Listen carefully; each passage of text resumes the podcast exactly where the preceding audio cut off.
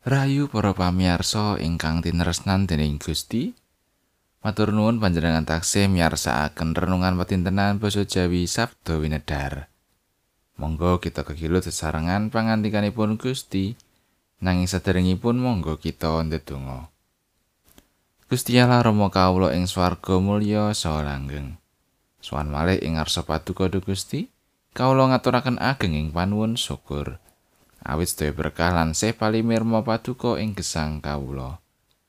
Wekdal mirunggan menika, kawula nyawisaken manah kawula. Sumadyo nampeni sabda paduka.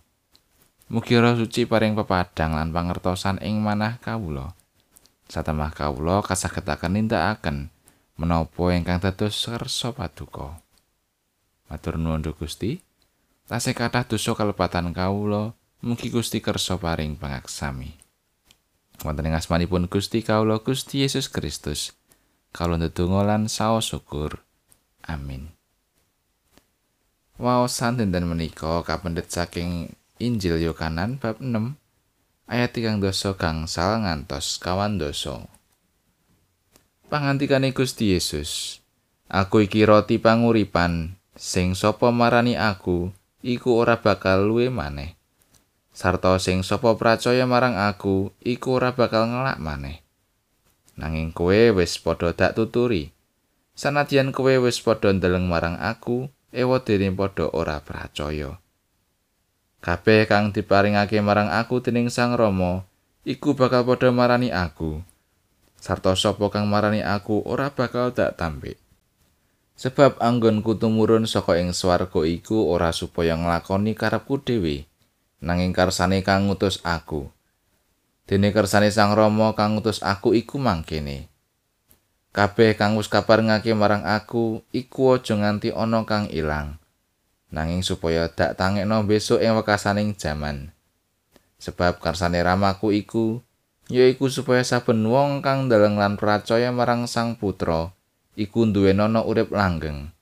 Sarta supaya aku nangekno besok ing wekasaning jaman. Makatan pangandinganipun Gusti ayat nas saking ayat kang dosa gangsal. Pangandikane Gusti Yesus, aku iki roti panguripan sing sapa marani aku iku ora bakal luwe maneh. Sarta sapa sing percaya marang aku ora bakal ngelak maneh. Saben tiyang temtu nggadahi pemawas. Bilih tetedan lan omben-omben menika bab ingkang wigati kangge gesanging manungsa. Lumantar tetedan lan omben-omben menika saged dados sarana pangrimating raga. Kanthi makaten nalika raga menika sampun nampeni tetedan lan omben-omben ingkang cekap, saged ndadosaken raga kiat lan sehat. Ananging menapa raga utawi kejasmanan kemawon ingkang betahaken omben lan tetedan? Mboten.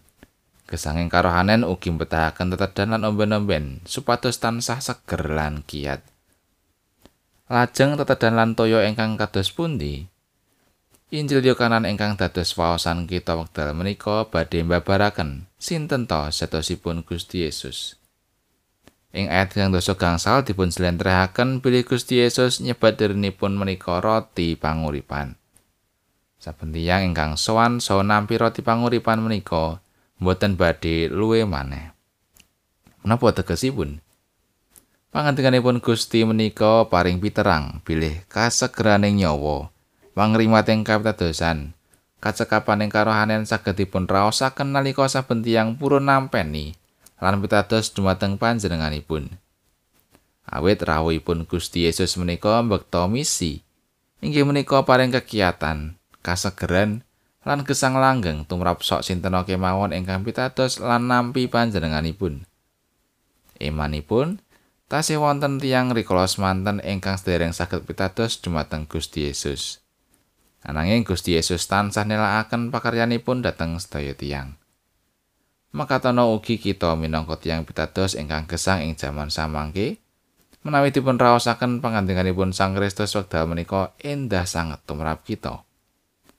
Ing pundi panjenenganipun boten namung nelakaken dirinipun minangka rotining kauripan. Ananging ugi paring persetyan dhateng kita. Menawi kita purun nampi lan pitados dumateng sang roti kauripan.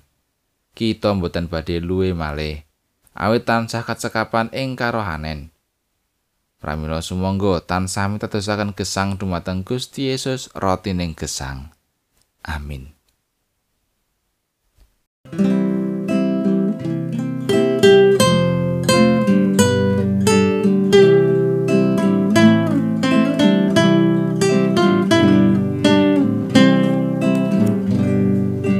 Tekating manah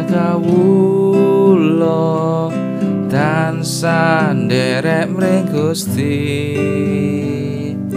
Yeku panutan sanyata nggih panebus sejati. Margining salepi ngambah bangun turut mring Kabarkan tresno sejati Beri jagat tentrem pasuki